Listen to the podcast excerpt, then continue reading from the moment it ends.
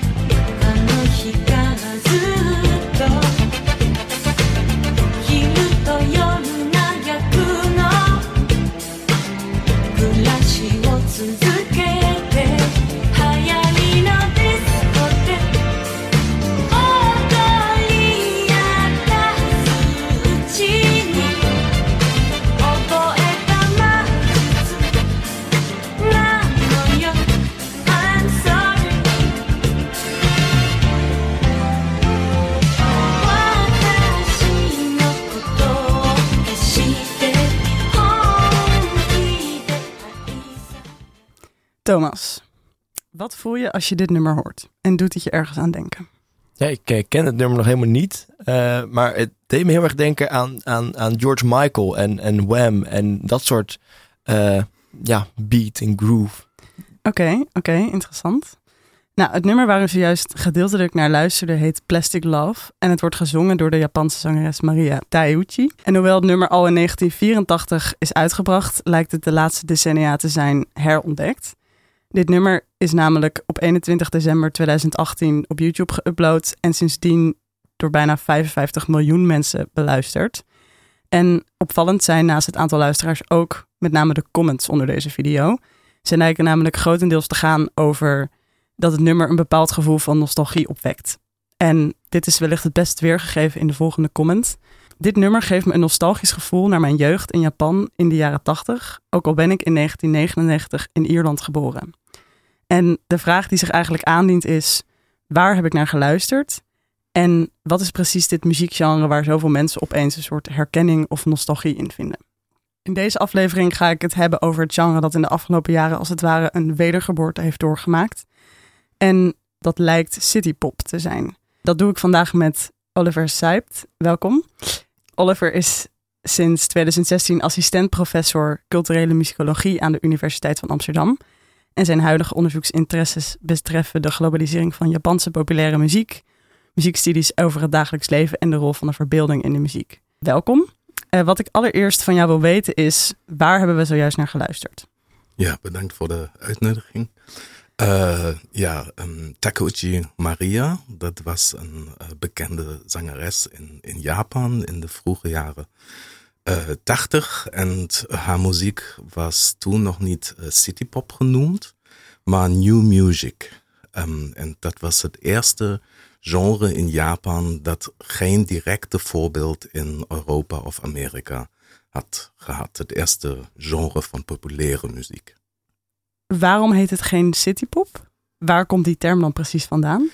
Ik denk die term citypop, die was in gebruik in de jaren tachtig, maar dat was niet een naam voor een bepaalde soort van muziek, maar dat was een naam die, die uh, één of twee journalisten aan deze muziek hebben gegeven. En niet precies aan deze, deze muziek, maar aan de muziek, ik denk het was in het jaar 84, dat uh, Matsushita Matsuko um, haar de debuutalbum, dat was First Light. En dat, dat was genoemd door een journaliste High Sense na Shitty Pop.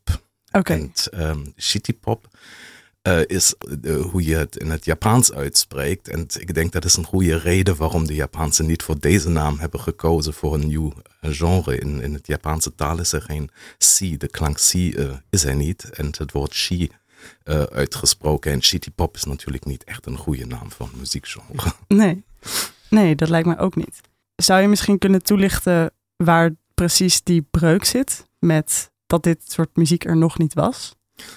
Ja, de muziek was er, mm -hmm. uh, maar ze wordt nog niet uh, citypop genoemd. Dat okay. is iets wat uh, gebeurd is toen die muziek door westelijke DJ's wordt ontdekt. En ik denk dat die naam citypop, dat is een, als genrenaam, dat is iets wat eerst 2016 of zo is um, ontstaan. Oké. Okay. Ja. En hoe zag de muziektraditie eruit in Japan voor uh, deze tijd? Voor deze tijd, um, ja, er zijn, zijn verschillende soorten muziek. Natuurlijk heb je die, die traditionele muziek, Dento Ongaku. Um, die was er altijd. Uh, maar er was geen begrip van muziek. Er was geen Japanse woord voor uh, muziek. Zo die, die, die hele idee van muziek is een westerse import naar Japan in de uh, 19e eeuw. En dan was sofort ook, waren alle soorten westerse muziek in Japan, klassieke muziek, uh, maar ook populaire muziek. En gewoon was het dat muziek van Amerika of Europa was geïmporteerd. En dan hebben de Japanse uh, muziekussen hebben hun eigen muziek, muziek gemaakt. In deze traditie, bijvoorbeeld rockabilly, uh, was geïmporteerd in de jaren 1950. Um, het kwam over FEM, Far Eastern Network. Dat was de radiostation van die, van die GI's. Die waren gestationeerd in Japan. En uh, de Japanse uh, hebben geprobeerd het zo originaal als mogelijk um, te maken. So, het was niet het idee dat er een Japanse smaak daarbij zal, omdat het was ook een, een teken voor moderniteit um, deze soort muziek. En dat wordt moeilijk in de jaren 60 um, tijdens de Vietnamoorlog. En ook de verlenging van die Security Treaty tussen Japan en de Verenigde Staten. Dat was in uh, 1970. En zo de late jaren 60, dat was een probleem voor Japanse populaire muzikanten, omdat ze uh, nu echt een eigen identiteit hebben um, gebruikt. En new music um, er is geen genre in Europa of Amerika die new music wordt genoemd. Dat was uh, een Engelse naam, maar voor een nieuwe genre die alleen in Japan is ontstaan. We hebben als het goed is een fragment van Happy End. Mm -hmm. um, een band die wellicht aansluit bij deze periode waar je het net over had. Daar gaan we nu naar luisteren.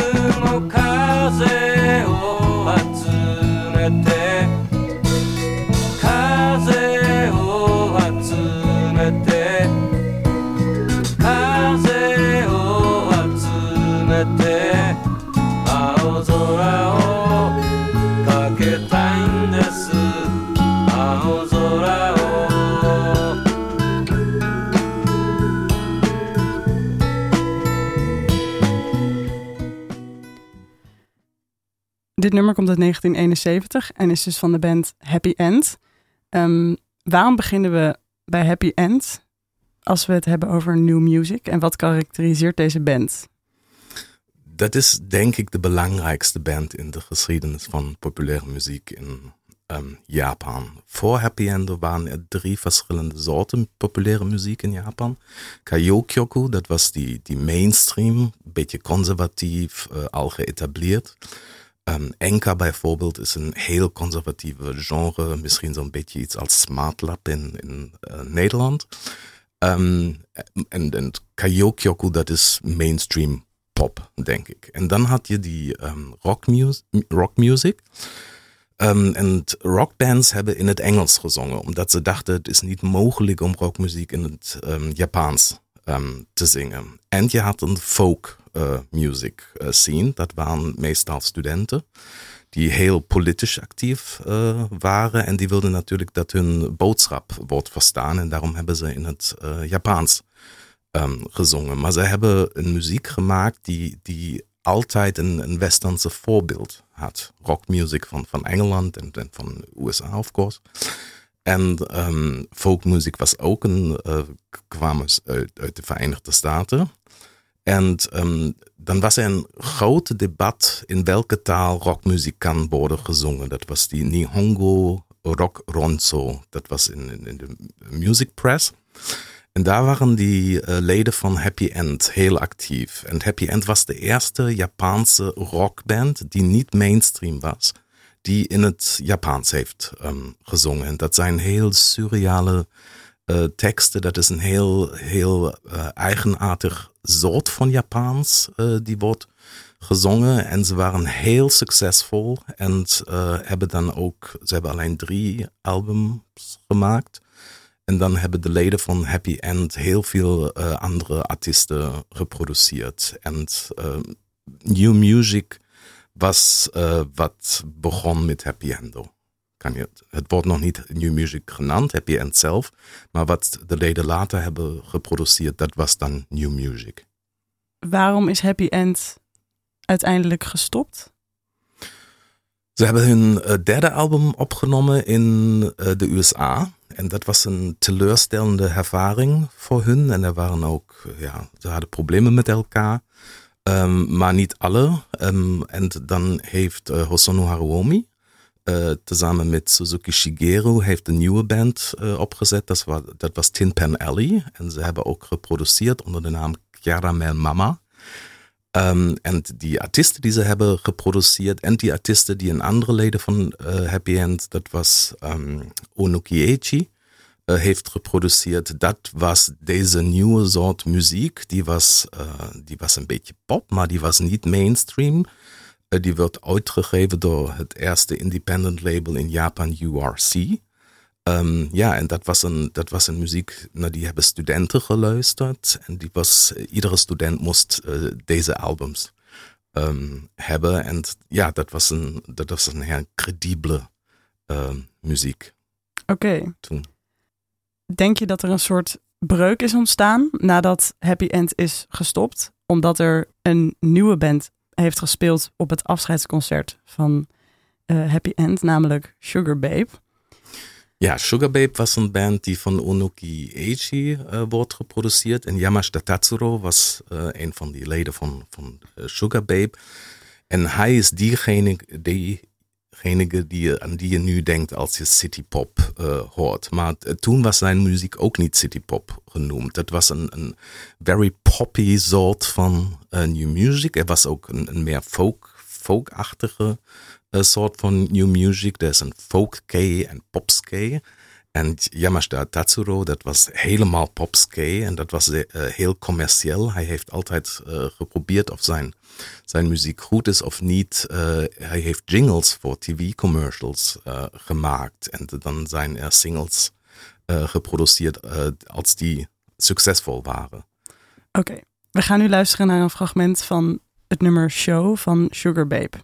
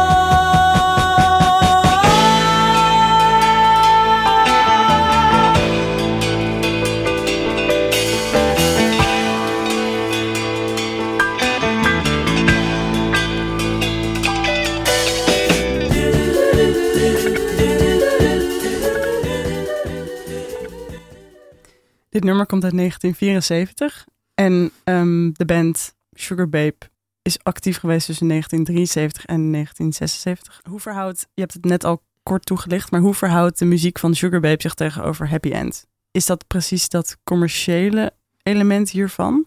Waar Happy End misschien meer beschouwd zou kunnen worden als een vorm van alternatievere muziek? Uh, het is een beetje poppiger dan, dan uh, Happy End.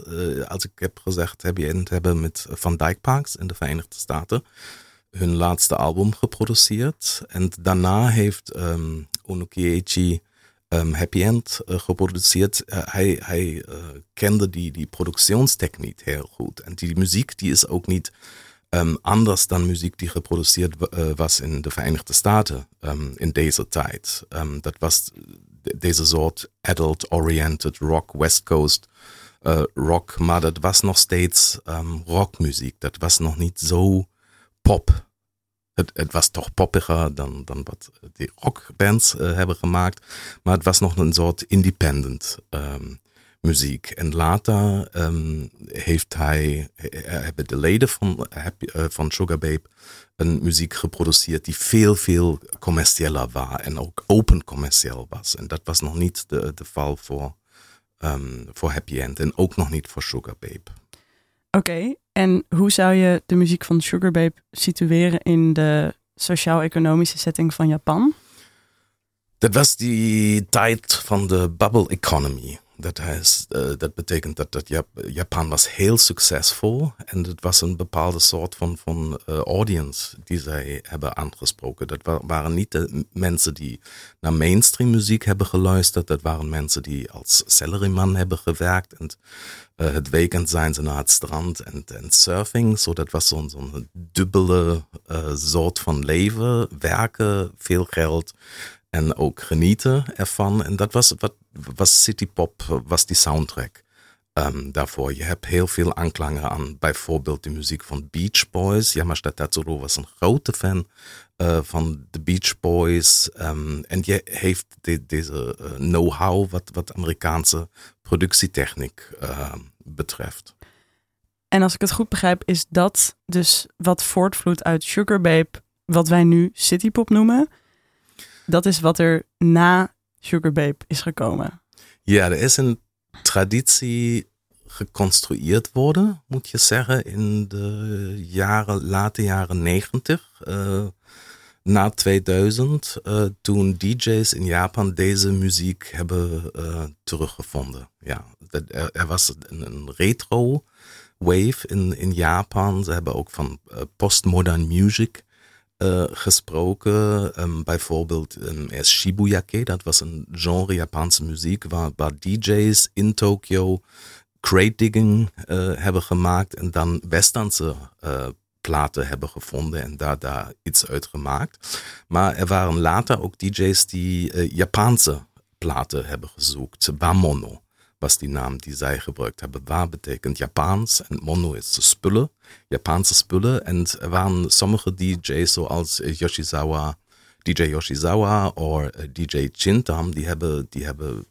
precies naar deze soort muziek van de jaren van de bubble-economie uh, gezocht en daar DJ-sets gemaakt, um, disc collector guides en deze dingen. En dat was de tijd toen deze muziek citypop En als dit dan naar, naar, het naar, naar, naar, Europa en de Verenigde Staten is gekomen, daar waren DJ's zoals Dimitri van Paris en zo, die, die wisten wat die DJ's in, in Tokio doen. En vonden het ook mooi. En dan hebben zij, zij gevraagd naar uh, muziek van deze jaren 80, vroege jaren 80, Japanse muziek. En begonnen die ook te gebruiken voor hun DJ-sets. En dat was die tijd uh, toen New Music Citypop uh, wordt. Maar er was nooit een muziek die in Japan Citypop is genoemd worden. We gaan nu luisteren naar een fragment wat door de koning van de Citypop is gemaakt. Het nummer heet Magic Waves en het is van Tatsuro Yamashita.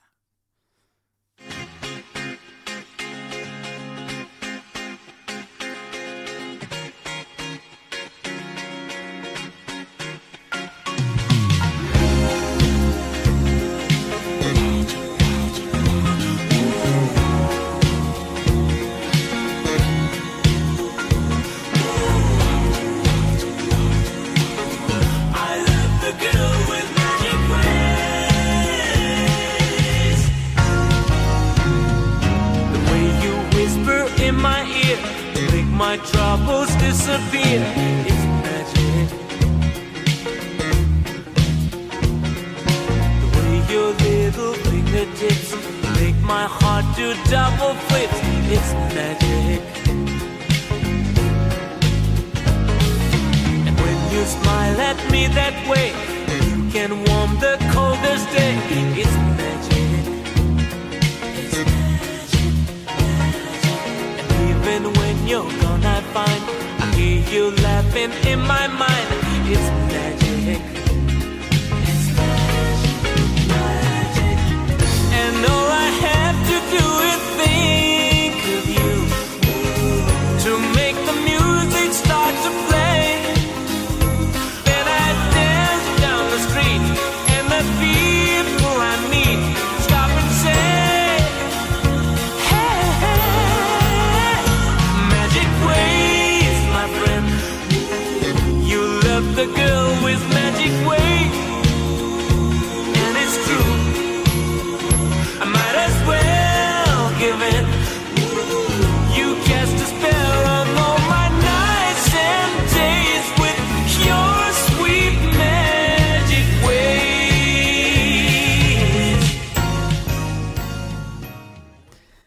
Als ik naar dit nummer luister, dan kan ik eigenlijk alleen maar denken aan onbezonnen zijn en fietsen langs het strand. Ja, dit doet me eigenlijk sterk denken aan die comment die ik al eerder voorlas over verlangen naar een bepaalde tijd die eh, heel prettig is. Hoe zou je zo'n comment over nostalgie verklaren aan de hand van het fragment wat we net hebben gehoord?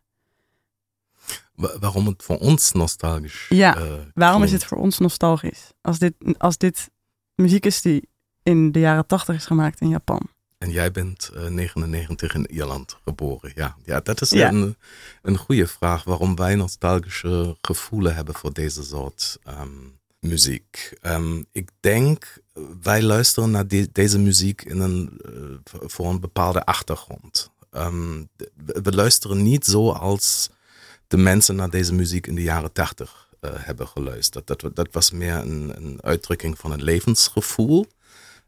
En nu is het, een, het levensgevoel iets anders. En misschien zijn wij nostalgisch niet naar deze muziek. Die, die eh, fungeert meer zo als een, als een bioscoopscherm waar je iets kan eh, op projeceren eh, voor ons. En dat is een, een zorgloze tijd, zoals de jaren tachtig. En ik denk dat is iets wat, eh, waar de mensen ook in, in, in Europa een nostalgische gevoel voor hebben. Maar als je naar zo'n muziek luistert die in Europa wordt gehoord, dan is dat precies zo'n muziek die, met, die, die niet echt credibel is, die mainstream is, met die je niet wil identificeren. De, de, de, feit dat het uit Japan komt, dat geeft um, deze muziek een specifieke kwaliteit en, en, en, en een bepaalde distinctionskapitaal. Ja, je kan, het maakt een onder, uh, je kan jezelf onderscheiden.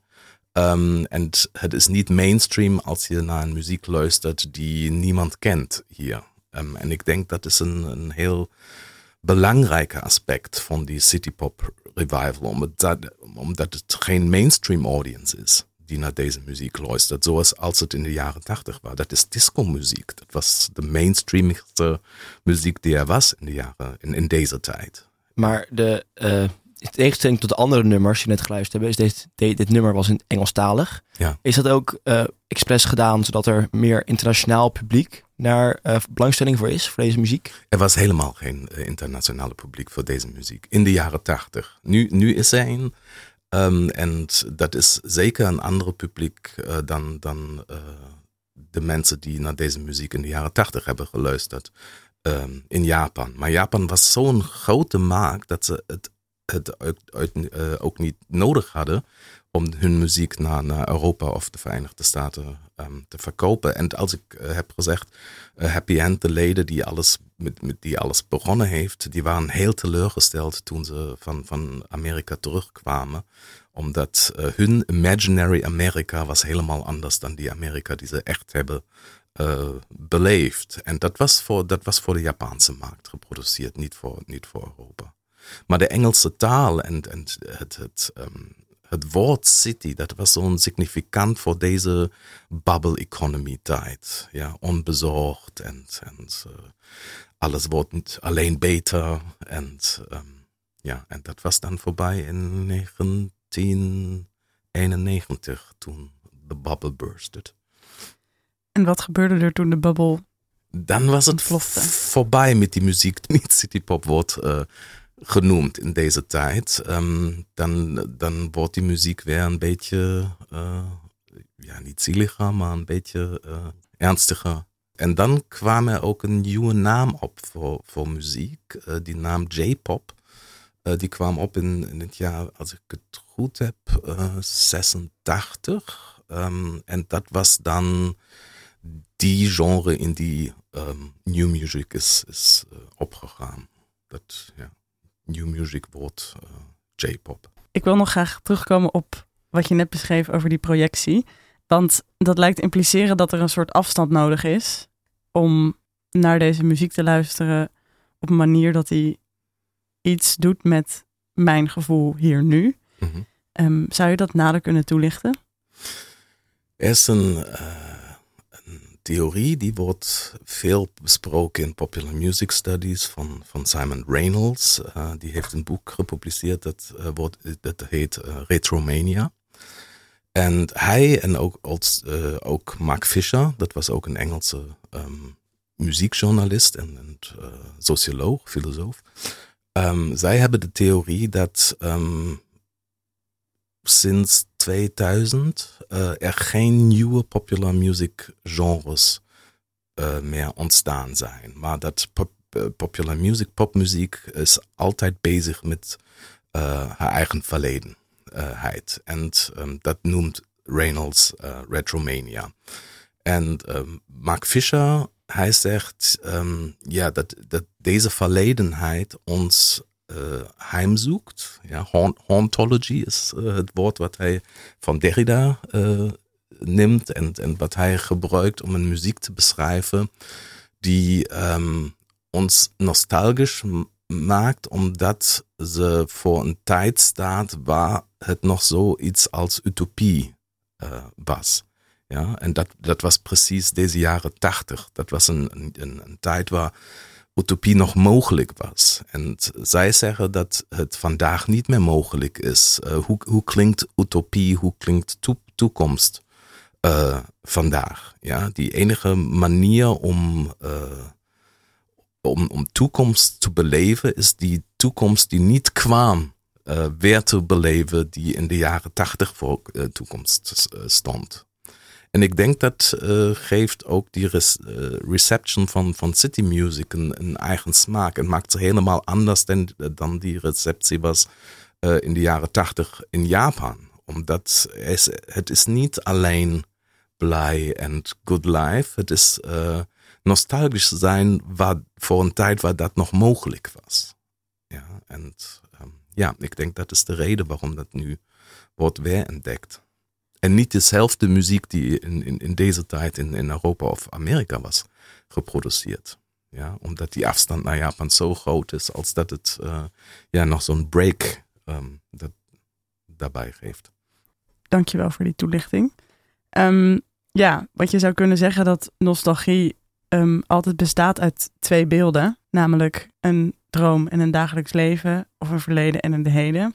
Denk je dat dat eigenlijk niet op een bepaalde manier problematisch is? In de zin dat wij iets idealiseren wat wellicht voor andere mensen in een andere tijd, maar ook op een andere plek heel anders ervaren wordt. Zou je niet kunnen zeggen dat het op een bepaalde manier een soort toe-eigening is van Een soort culturele toe-eigening.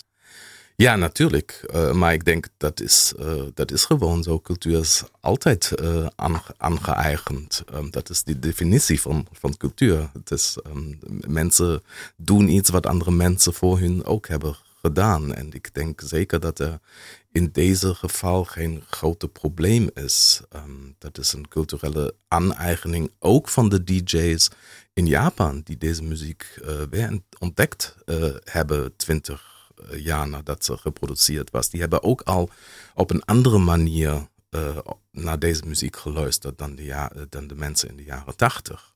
Eh, en nu doen het niet alleen Japanse DJ's, maar ook DJ's in, in Europa of, of in Amerika. Vaporwave was, was eh, het genre wat, wat, doordat deze muziek bekend eh, geworden is in, in Euro- Europa. Ehm, omdat zij heel veel ehm, new music hebben gespeeld, Vaporwave. En ook ehm, ze, ze hebben ehm, de visuals gebruikt van, van TV-commercials uh, uit Japan uit de jaren tachtig. Um, natuurlijk is dat een soort uh, culturele aaneigening, maar ik denk dat is populaire muziek altijd. Oké, ja. en dat hangt misschien ook wel sterk samen met het feit dat er, wat nu Reynolds en Fisher beweren, dat er nu een soort loop is met hergebruiken van muziek. Ja, het was ook een culturele aaneigening in de jaren tachtig van Japanse muziek, uh, die, die, die westerse muziek hebben aangeëigend. Zo, dat is echt een, um, een loop. Maar de manier op die naar deze muziek wordt geluisterd, die verschilt in verschillende regio's en verschillende landen, maar ook in verschillende tijden. En uh, natuurlijk luisteren we vandaag op een andere manier en, en, en, doen wat wij nodig hebben met deze muziek en niet wat de mensen in de jaren tachtig gedaan hebben. Oké, dankjewel. Dan gaan we luisteren naar het laatste fragment. En dit is eigenlijk een bewerking van het allereerste nummer dat we hebben gehoord van Plastic Love. De toevoeging erbij is Night Tempo 100% Pure Remastered. En daar gaan we nu naar luisteren.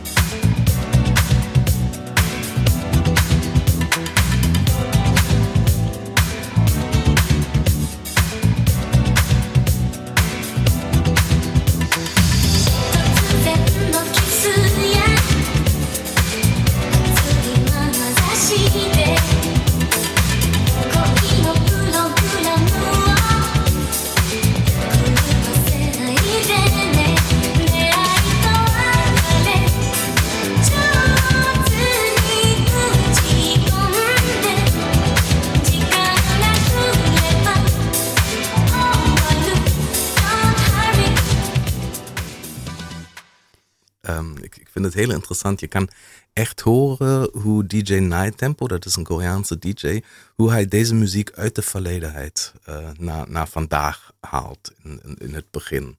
En ik denk dat dat, is echt duidelijk um, dat er nog een, nog een andere historische level uh, in ons um, receptie van deze muziek existeert. Want...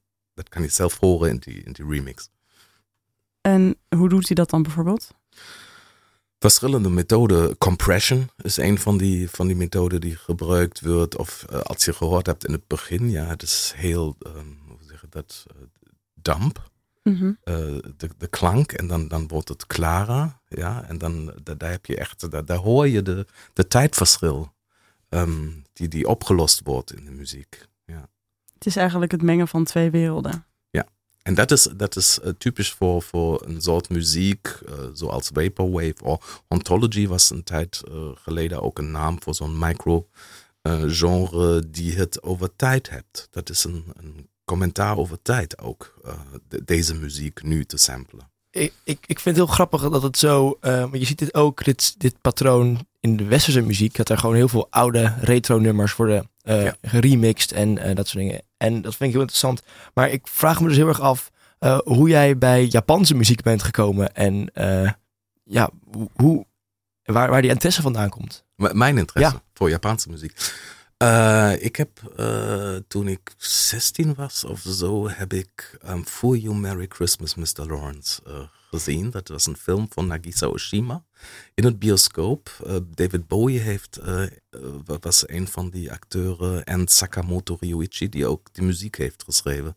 En het was zijn muziek die mij echt, die was haunting voor, voor mij. En dat was de reden waarom ik toen ik muziekwetenschap studeerde in Keulen. Mijn professor was een specialist voor Japanse muziek, maar alleen traditionele Japanse muziek. En dat is een beetje moeilijk, dan toegang um, te vinden. En ik wilde altijd iets over Sakamoto Ryuichi uh, doen. En dan uh, wilde ik mijn um, magisterscriptie over Sakamoto schrijven. En ik had een budget om naar Japan te gaan. Maar dan wilde, hij was in, in de Verenigde Staten op die tijd, dat wist ik niet. En zijn um, office, die wilde mij ook niet uh, ontvangen. En dan stond ik in Japan en had heel veel geld bekomen om daar over Sakamoto Ryoichi um, onderzoek te doen. Maar het was eigenlijk niet mogelijk. Alles wat ik kon doen, was naar, naar recordshops uh, gaan en alle platen te kopen. En uh, misschien noten te kopen en zoiets. Maar daar was ik klaar na twee weken. Maar er was zoveel muziek die ik nog nooit gehoord uh, had. Japan is de tweede muziekmarkt van de wereld.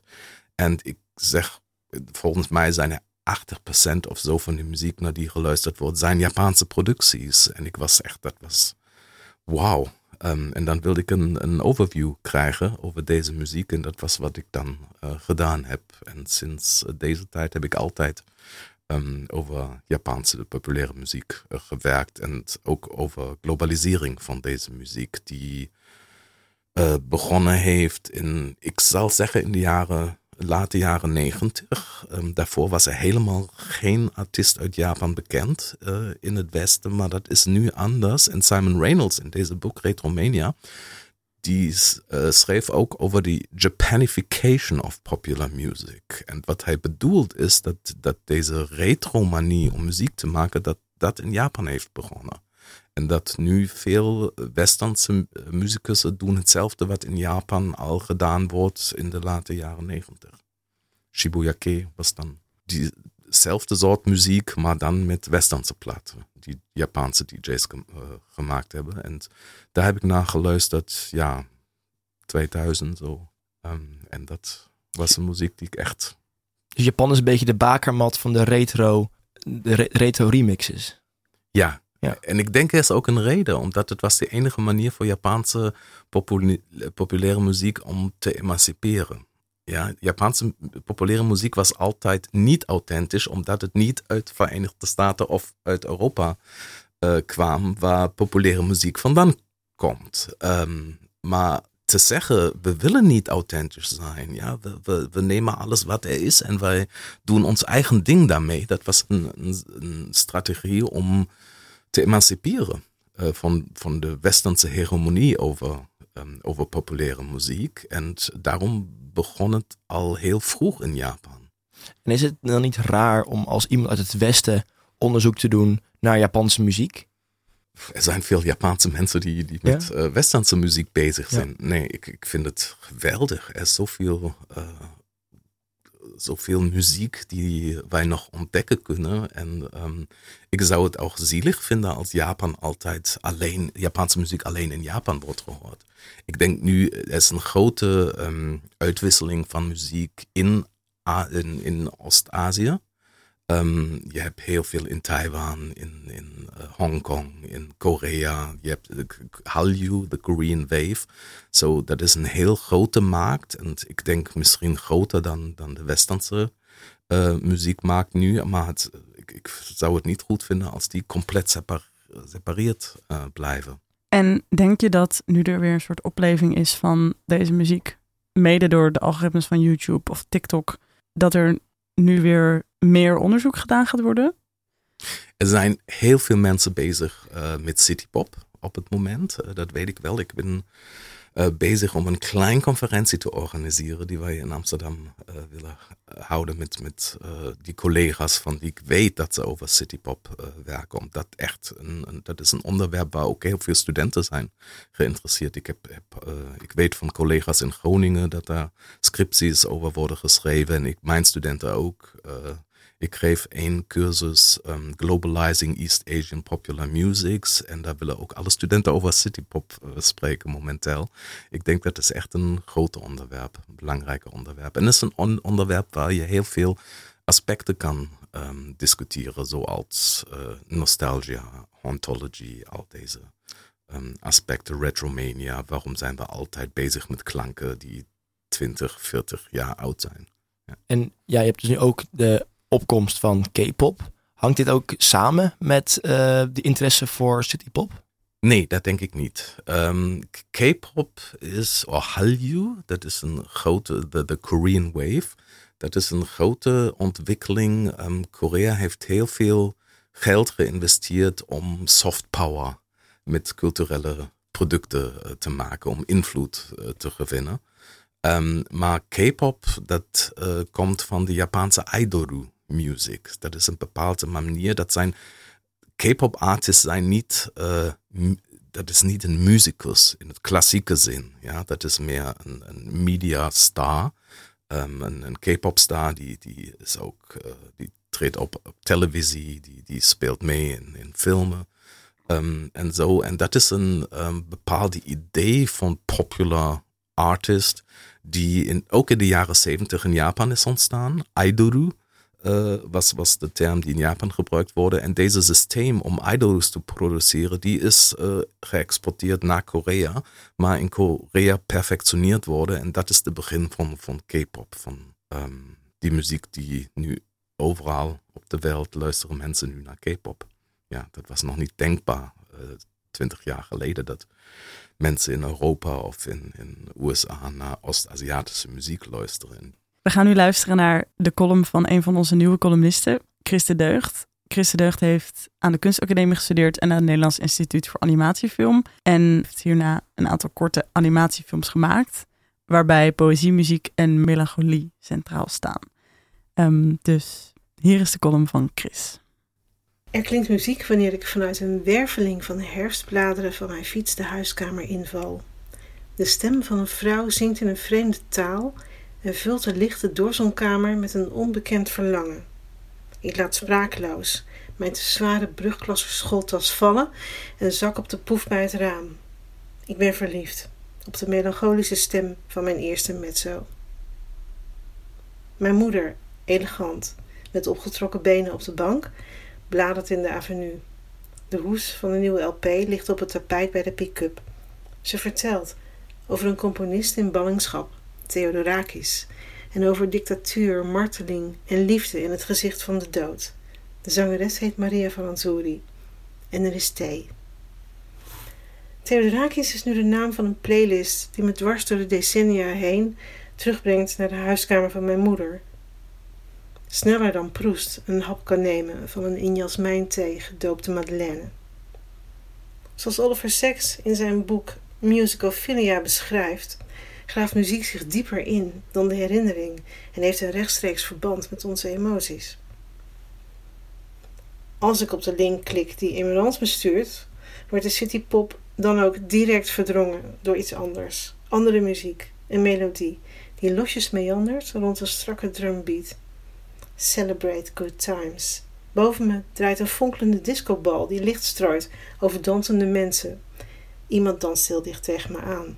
Ik herken de jongere versie van een oude geliefde. Ik ben terug in de jaren tachtig. Het middeleeuwse stadje herbergt twee homotenten, een vrouwenhuis, de soos van de Sociale Academie en de mysterieuze Club Taboe, waar geen mannen worden toegelaten en de vrouwelijke stamgasten of butch of fam zijn. De tweede feministische golf is ondertussen op een hoogtepunt.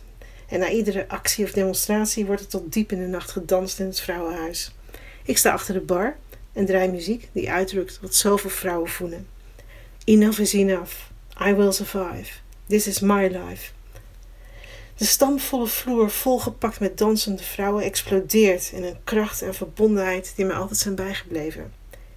Misschien omdat ik het meemaakte toen ik nog heel jong en idealistisch was, is het beeld altijd intact gebleven, onaangetast door later cynisme. Het beeld brengt me terug naar de eerste homodemonstratie in Amsterdam. Een massale coming-out. Ervoor uitkomen was iets dat gemakkelijk als een provocatie werd gezien, wat op zichzelf weer homohaat rechtvaardigde. Want je hoeft er toch niet mee te koop te lopen. Je hebt het aan jezelf te danken als je gediscrimineerd wordt. Het is een prachtige zomerdag en wanneer we het Waterloopplein bereiken, blijkt het een braakliggende zandvlakte. Uit de boksen bij het podium dreunt I am what I am and what I am needs no excuses. Als ik me omdraai, zie ik dat er geen einde aan de stoet lijkt te komen. En ik besef voor het eerst dat we met zoveel zijn. Ondertussen was er werkloosheid en woningnood. Krakers vochten fel voor het recht op wonen. En ook ik woonde in een kraakpand en deed mee aan de acties. Bij ons geven de krakers tijdens een uitzetting nog bloemen aan de, aan de ME, maar in Amsterdam zijn er gewelddadige rellen. Een vriend liet me de naargeestige Nieuwmarkt zien, de huizen volgeschilderd met leuzen. De breuken in de samenleving worden zichtbaar. Terwijl ik met mijn vriendinnen demonstreer, dans en dineer, verhardt de strijd. Het speelse licht van de disco begint te doven. Tijdens een groot vrouwenfeest wordt een vrouwelijke wethouder door de kraakgroep vrouwen fysiek naar buiten gewerkt, onder groot protest. De verbondenheid brokkelt af. Ik hoor voor het eerst de term radicalisering. De sociale strijd werd bitter en de winters waren koud.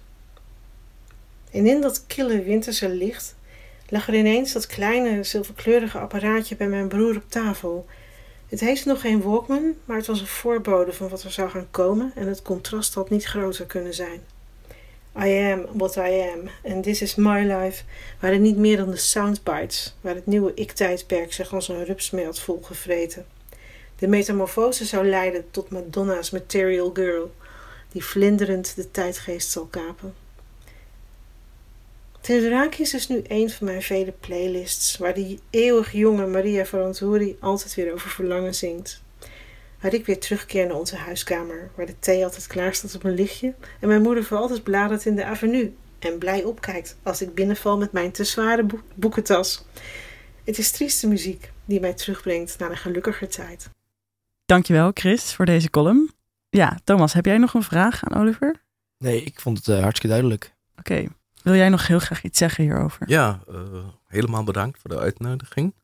En ja, als wij echt uh, een, kleine uh, conferentie organiseren, dan zou ik blij zijn als zoveel mensen als mogelijk daarbij zullen zijn. Nostalgie lijkt in het geval van Citypop velen een verlangen naar een hoopvolle onbezonnen tijd te zijn in plaats van naar een plaats. YouTube heeft obscuriteit uit het verleden een nieuw leven ingeblazen en er een massapubliek voor gecreëerd. En TikTok versterkt deze bestaande algoritmische hits en gooit zijn eigen hits in de mix, waardoor het bereik van de muziek enorm toeneemt. En zodoende komen we bij het einde van deze uitzending. Um, ik wil Thomas en Oliver graag bedanken voor jullie aanwezigheid. De techniek werd vandaag verzorgd door Lilian Kingma en Christen Deugd was uw columnist voor vandaag. Heeft u opmerkingen of prangende vragen? Dan kunt u Radio Swammerdam, Radio Swammerdam bereiken via de e-mail radioswammerdam.gmail.com en via uw gebruikelijke social media kanalen. U kunt ons daar trouwens ook op volgen um, op Instagram, Twitter en Facebook. En om de uitzending terug te luisteren, kunt u naar onze podcastkanalen gaan en daar kunt u ze ook delen. En tot zover uh, Radio Swammerdam voor deze week. En volgende week zal het gaan over de vieze stad. Ik wens u een prettige middag.